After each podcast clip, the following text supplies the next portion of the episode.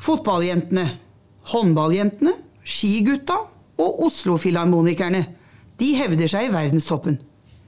På samme måte skal vi vise at norsk næringsliv klarer seg internasjonalt. Trenger vi kanskje et nytt slagord? Det er typisk norsk å være god. Typisk norsk å være god, sa Gro Harlem Brundtland redan 1992. Hun knyttet da idrett og næringsliv sammen, og omtrent samtidig så fødtes Olympiatoppen. Nå spør vi igjen hva næringslivet kan lære av norsk toppidrett, og om norsk toppidrett kan bidra til en norsk nasjonal prestasjonskultur.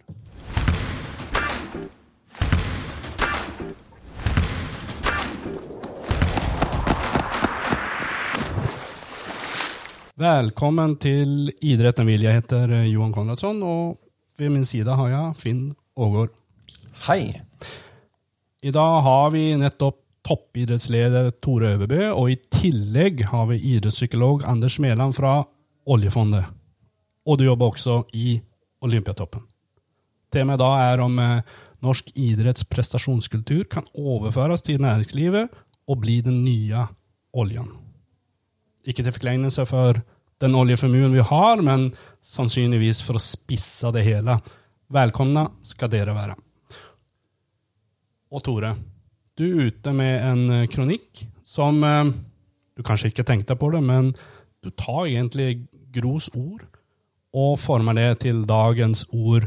Og sier at vi trenger en nasjonal prestasjonskultur. Det er den evige oljen, sier du, og det vil være vårt lands fremste konkurransefortrinn. Hva mener du egentlig med det? Ja, utgangspunktet er at uh, vi har jo hatt en nasjon ganske lenge. Uh, vi har uh, vært de som fulgte isen oppover. Vi har drevet med samarbeid og brukt alle de kreftene som fins i de små samfunnene som var den gangen, og vi har fortsatt å bygge på den modellen. Så det at Gros av det var bare én etappe på noe som er sagt mange ganger før, eller ikke sagt, men det er iallfall gjort. Og det er jo vel så bra at det er gjort som det er sagt. Så det viktige er jo da at alle blir tatt i bruk, alle er en del av fellesskapet, og at det er fokus på menneskene som skal skape denne kulturen, som så skaper en nåtid og en framtid og eventuelt en rikdom. Eh, sånn har det vært i veldig lang tid, og sånn tror jeg vi skal fortsette å jobbe. Eh, det er å ta alle i bruk. Det er å ha fokus på å bruke hverandres kompetanser og dele og utnytte de egenskapene og de kompetansene som den enkelte sitter i et større spill. Eh, så det tror jeg kommer til å være på moten i Norge i mange hundre år til, og det er det som er Derfor jeg spisser det, det si den nye oljen, for det dreier seg ikke om olja. Det har vært fisk, det har vært tømmer, det har vært forskjellige typer fisk, det har vært alt mulig andre ting som har vært innsatsfaktor, de materielle innsatsfaktorene. Men det at det har blitt til velstand, det at det har blitt utvikling, og det at det har bygget opp under nasjon i veldig lang tid, det er knytta til folk. Og ikke minst er denne oljeeventyret vårt et supert eksempel på det. Med måten den ressursen ble integrert i den norske velferdsmodellen som allerede var etablert på 60-tallet. altså var det folketrygd før vi fant olja, for å si det sånn. Og det betyr at den olja har blitt brukt til å bygge opp under en struktur og en tenkemåte som er gammel, og som jeg syns vi skal fortsette å fornye, for det er det som er håpet vårt. Vi skal bygge en framtid hvor det ser ganske holkete ut, og vi ser ungdommer som mister motet og tenker at nå er det slutt, og klimaet tar knekken på oss. Vi skal fortsette å leve, vi må finne løsninger, og vi må bruke folk til å finne de løsningene. Dette er jo utrolig eh, musikk. Men først Det er noen som husker Torbjørn Jagland og Det norske hus. Og er det noe vi nordmenn er, så er det også litt sånn eh, jantet lov og sånn. Er du redd for at det blir oppfatta svulstig nasjonal prestasjonskultur? Uh, litt korrigering da på hvem som sto for Det norske hus. Det var vel en kar som het Bendik, og som var nasjonalbibliotekar, og som plutselig var statsråd, og som ja, Han og Jagland jobba fram det. Oh, Riktig. Ja. Bendik ja. Rugås. Men ja. Eh, sånn er det. Noen skal ha æren for det som går bra. noen skal Nå ble det famøst, da. Nei, men altså, jo da. Det er selvfølgelig går an å legge helt andre ting enn jeg gjør, inn i begreper som nasjonal. Det kan legge helt andre ting enn det jeg legger i det å prestere. Det går an å tenke litetenkning og stikke fra, og kanskje underkjenne at, eh, at en sånn komplementaritet, at alle skal være med og sånn, det går an å tenke i mer en sånn fascistisk retning hvis du trekker det skikkelig langt. Mm. Men det er jo motpolen av det. altså det er jo Poenget er jo at vi trenger alle for å skape en framtid. Mm. Og når vi sliter som mest, så må vi tørre å mm. se framover. Vi må tørre å lete etter løsninger, sånn at vi ikke blir sittende igjen i en håpløshet. Og, og da taper alle. Og det mm. er jo veldig dårlig utfall, da. Mm. Bare følge opp en liten ting på det. fordi I kronikken så sier du også at de største barrierene for å bygge en sånn nasjonal prestasjonskultur, det er alenegang. Det er sendrektig byråkrati. Og du sier også svake rammebetingelser. Hva tenker du eh, rundt det? Eh, opplever vi det i Norge i dag? Nei, Nå skal jeg være veldig forsiktig med å bli politisk. Altså, poenget er at jeg ønsker å At jeg ser paralleller da, mellom måten vi har løst utfordringen i toppidretten, som har fått en fantastisk utviklingskurve fra en ganske mager 70-tall, hvor alle husket hva OL-vinnerne het i 20-30 år etter de hadde tatt gullet til at det nå er såpass mange som er oppi der at det er vanskelig å, å, å holde følge med hvem som egentlig er god.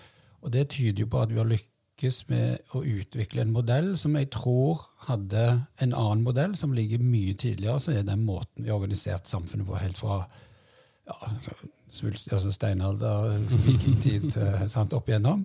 Mm. Så det er liksom det er jo det å bruke det konkurransefortrinnet som vi har i Norge. og Det tror jeg har noe med skalaen å gjøre, det har noe med størrelsen på landet å gjøre. Det betyr at alle de som er gode innenfor et ganske smalt felt, som du kan eh, gjøre det bra, veldig bra på internasjonalt, de kjenner hverandre.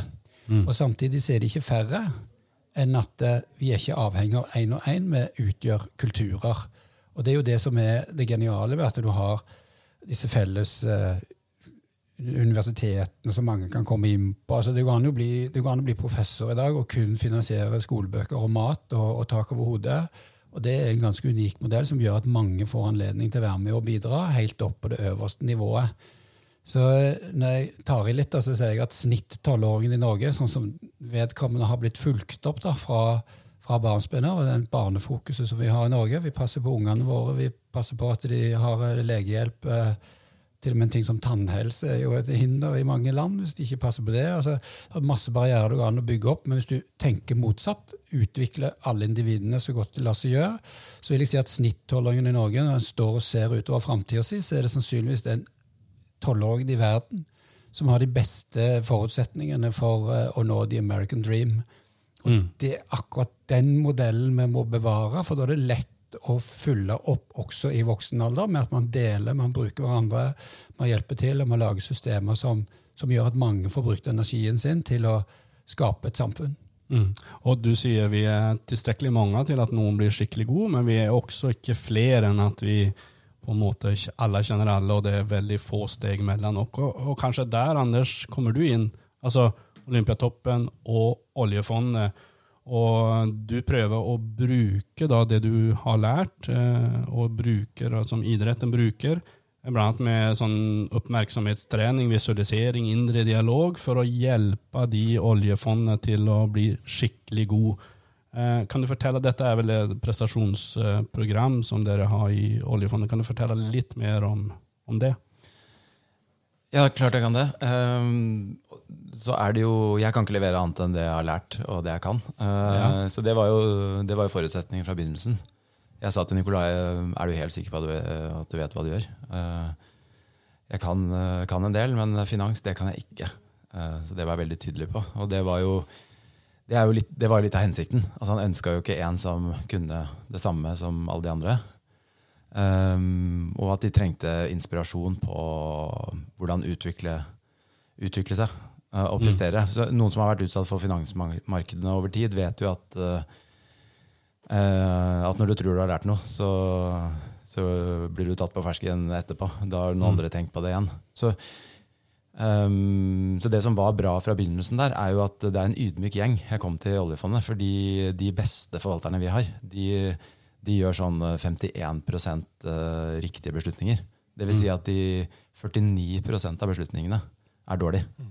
Så da blir det jo Eller det går gærent. Ja, det går ikke gærent, men det, er kanskje lost opportunities. Ja. Eller vi klarte ikke å, å få disse pengene til å vokse, da. Men Ja. eh, det ble, Vi klarte ikke å slå markedet. Eh, og det er jo hele, hele målet vårt. Mm. Eh, så når vi Når jeg kom dit, så var det jo egentlig prestasjonskultur eh, som jeg skulle prøve å injisere. da. Mm. Og da handler det jo litt om å utfordre de du møter. Mm. Eh, For ting ja, som vi har lært i idretten, så er det jo ting du ikke utfordrer eller overloader ut fra den, det status du har i dag. Det vil ikke utvikle seg. Da blir du på en måte på status quo. Så jeg måtte jo utfordre måten de tenker på ved å være nysgjerrig, egentlig. For jeg hadde jo ikke svarene, egentlig. Hva, hva skal dere gjøre? Mm. Eh, men for å, for å komme i gang med dette her, så måtte jo de kanskje lære litt av språket eh, som vi har i idretten, og også innenfor, innenfor eh, prestasjonsutvikling. Da. Eh, så da designa vi et sånt uh, human performance-program. Jeg kalte det det mest fancy vi kom på. Noe av det var jo ganske banalt. altså Man skulle lære seg å legge seg tidlig hvis man hadde behov for det. Ja, det ja. hørte vi på, sem seminar i dag. Man måtte lære restitusjon. Det, er jo, det er jo et begrep vi har hørt mye om i idretten. Og man skulle også eh, lære seg å trene. Eh, Trene f.eks. på vanskelige møter. Hvorfor er dette så viktig?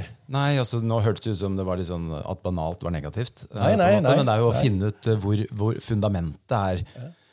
Eh, og disse prinsippene som For poenget mitt var egentlig å få fram Jeg tror at dere gjør mye av dette her. Så det handler om å kanskje sette ord på det. Forstå at det er faktisk er, ganske, det er high performance og achievements veldig mye, sånn at man ikke går glipp av all mestringen. da som vi vet er driveren for lang, langsiktig motivasjon og kreativitet og utvikling, det er å ha et mestringsfokus. Og det er ikke det at man ikke skal konkurrere, men det er klart et konkurranseinstinkt kan jo også overskygge det mye viktigere mestringsperspektivet. Men og så etter hvert så gir jeg jo de rett i at øh, altså competition, konkurranse, det jeg, jeg kommer fra liksom det stedet latin, så tror jeg det er noe sånn å søke sammen. Egentlig For å utvikle seg så må du søke sammen med, noe som er, med noen som er like god som deg, eller bedre. For det, det er sånn man uh, hvis, man hvis man blir en sånn beskyttende fokus, der du liksom Nå skal jeg passe på å ikke demonstrere mine manglende ferdigheter. Jeg skal bli god å snakke for meg. og liksom da, da, da går du glipp av hele den eh, utviklingen som ligger i konkurranse. da. For de er jo konkurransemennesker. De ønsker å slå det der markedet, det der telleverket på nettsidene våre. De ønsker jo liksom å få det til å bli større. Um, men også forstå at den konkurransen de har mellom seg, er sunn. Um, og, så kom, ja, og da kommer man inn på en del andre parametere som må være på plass. da. Uh, trygghet og de tingene der. Som, Ja, psykologisk trygghet ja. er et begrep du bruker. Hva, hva Nei, altså, du skal forklare det? det er litt morsomt, for jeg bruker ikke det begrepet. Nei. Men fordi det er en forutsetning.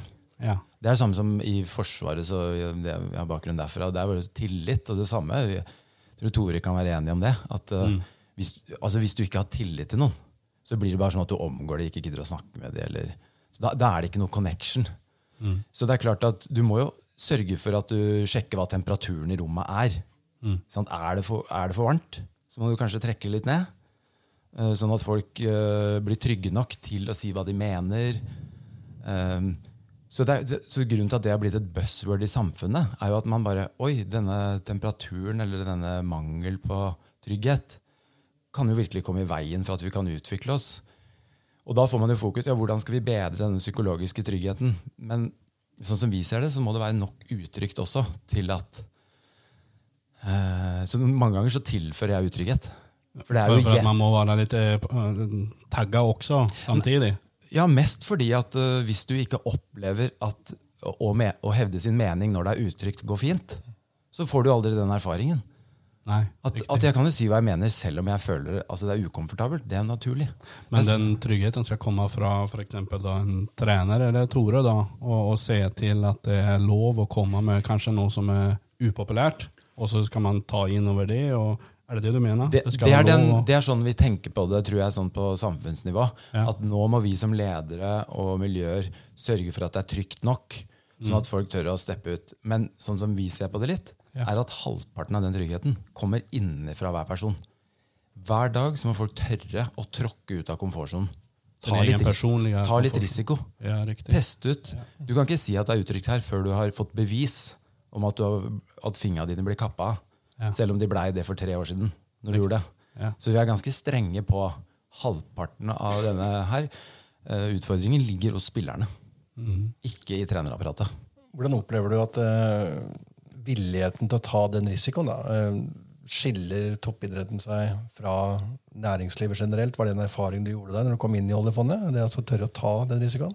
Ja, det vet. Jeg kan jo bare svare for alt. Jeg ser jo bare det jeg ser, ut fra de miljøene jeg har vært i. Jeg har jo absolutt ikke vært overalt, men jeg ser litt folk er folk.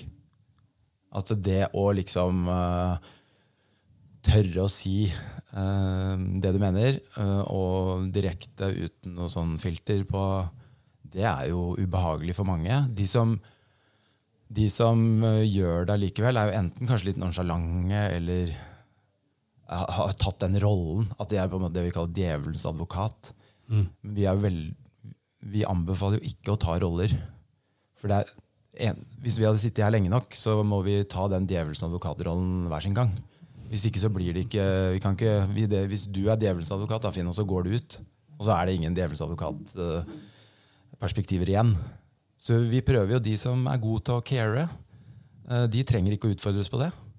Eh, Da må de kanskje utfordres på det de ikke er så vi prøver, jeg, prøver, eh, jeg merker jeg prøver hver dag å prøve å skape treningsarenaer på det som skjer i hverdagen. Sånn at de ikke må gå ut av jobben for å gå på trening. Men finne ut nå skal dere allikevel inn i dette møtet. Hvordan kan du trene på de sidene ved deg selv du vet kanskje fondet har bruk for over tid? At du begynner å ta litt uh, omsorgsrollen, fordi det kommer ikke så lett for deg. Uh, eller at du kanskje skal stille de kritiske spørsmålene, eller stoppe noen, avbryte noen. Eh, som vi vet skaper dynamikk når vi er, har gode treningsøkter. Så vi ser jo liksom høflighet kan jo Trygghet og høflighet kan jo liksom sette en stor stopper for utvikling. da. Det du sier når du sier eh, Jeg tenker at du regner med nordmenn, for du, du hadde ikke beskrevet amerikanere med, med de ordene der, og være liksom litt tilbaketrukken og ikke tørre. Utan det er mer sånn, eh, hvis jeg skjønner riktig, norsk eller skandinavisk modell. Eh, og hvis vi nå er sånn, og så er vi samtidig, Tore, vi, du sier er det noe vi skal bli skikkelig gode på, så er det deling og det å ha den der tryggheten da, til å komme med kanskje en dårlig idé, men å kunne ta imot den. At vi er et lite land, vi har lite hierarki, og vi skal lykkes gjennom å dele. Henger de to tingene sammen, Tore, som du ser det? Ja, det som er faren her, da, det er at Anders og jeg ble jo fryktelig fort enige. Har liksom Ja. vokst opp i mye av det samme. Jeg har jo vært i toppidretten siden jeg var en liten dredunge. Så jeg har jo liksom lært disse tingene, både den eh, gode veien og den ikke fullt så gode veien. Jeg har vært i miljøer som har vært ganske tighte, og da utvikla kulturer som har fungert veldig godt sånn prestasjonsmessig. Men det, jeg tror at det, du skal være våken for læring. Eh, Du skal høre etter andre som har lykkes, og prøve å finne enten likheter eller forskjeller, se om du kan systematisere det inn i det systemet som du tror på. Men eh, det der med sammenligning mellom land og sånn, altså igjen tilbake til dette med skala. Altså Hvis du har eh, 250 millioner mennesker som, som gønner på å konkurrere, så blir det noen gode der òg, altså.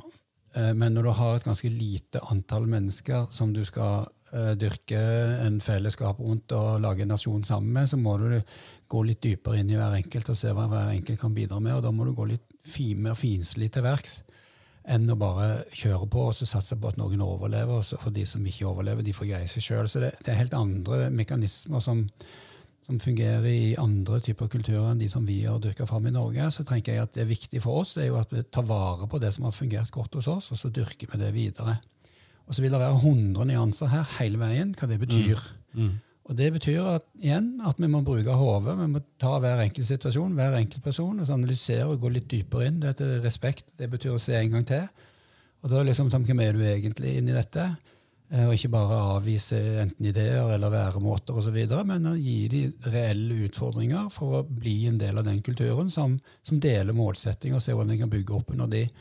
Det vil det være veldig mange varianter på. Men det som jeg, jeg tror er hovedessensen i det som eller én essens i det som jeg, et perspektiv på det som jeg prøver å si, da, det er at det, det er samarbeid som fører oss framover. Men det er ikke nok til å vinne. Det må være en sånn en sting til å gå et, Det må være en eller annen motivasjon til å gjøre noe ekstra.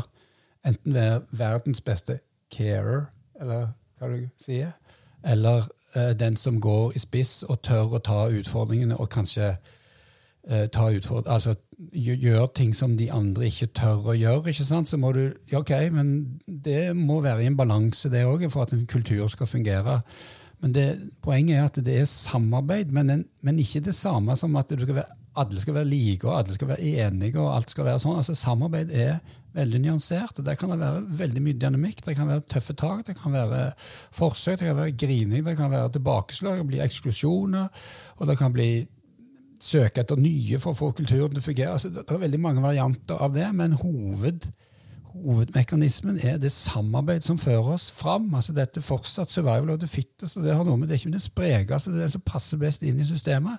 Og da må du sørge for å være den som, som er i en posisjon hvor du får nyte godt av de andre og bidra til de andres ting. Og om det er stinget, eller om det er eller om det er omsorgen, det vil variere fra person til person og fra situasjon til situasjon. Og så må du kanskje faktisk tørre å skifte litt rolle av og til. Mm. Og ikke bare stå i den ene rollen og nå er jeg blitt tildelt den, og der skal jeg være hele tiden. Men da må resten av kulturen også være villig til å gi deg nye roller for at du skal kunne bidra med andre sider av deg sjøl enn bare den ene. Så dette er nyansert. Men konkurranse er måles i sjakk, og samarbeid er det som driver oss. Helt til slutt, eh, Anders. Hva tenker du at næringslivet kan lære av idretten? De to viktigste tingene.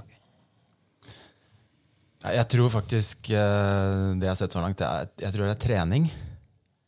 Um, og så er det det å virkelig kunne glede seg over å sikre fundamentet. Få på plass basic ting da, som kan gjøre For vi har et evighetsperspektiv i fondet vårt. Det, det, skal, det er liksom et maraton. Mm. Det er ikke en sprint. Mm. Og Tore, det motsatte, da? Hva kan idretten lære av næringslivet? Ja, jeg tror at næringslivet har en evne til å gå De har vanligvis en del mer ressurser enn oss, så de kan gå systematisk og prøve ut en del ting mer sånn spesifikt. altså Teste det ut, kanskje monitorere det på en bedre måte og, og dokumentere. Så kan vi utveksle hva det betyr for oss. Så det er alltid Jeg tror at det, det viktigste er at vi lærer av enkeltmiljøer som vi ser får det til. Eh, og Det betyr ikke at man generelt kan lære næringsliv, men du må lete etter de stedene hvor du ser at det skjer noe som er ekstraordinært, og være våken der og nysgjerrig, og, og både invitere seg sjøl inn og invitere tilbake, sånn at det blir en dialog om hva som faktisk og reelt skjer, og ikke bare sånn det ser ut utenfra. Mm. Helt fantastisk å møte dere, Tore Øby og Anders Mæland. Samarbeid og deling, den nye norske oljen. La denne podkasten inspirere deg, og Bruk gjerne noe av det dere har lært nå. Husk å abonnere på Idretten vil, og fortell en venn. Vi hørs.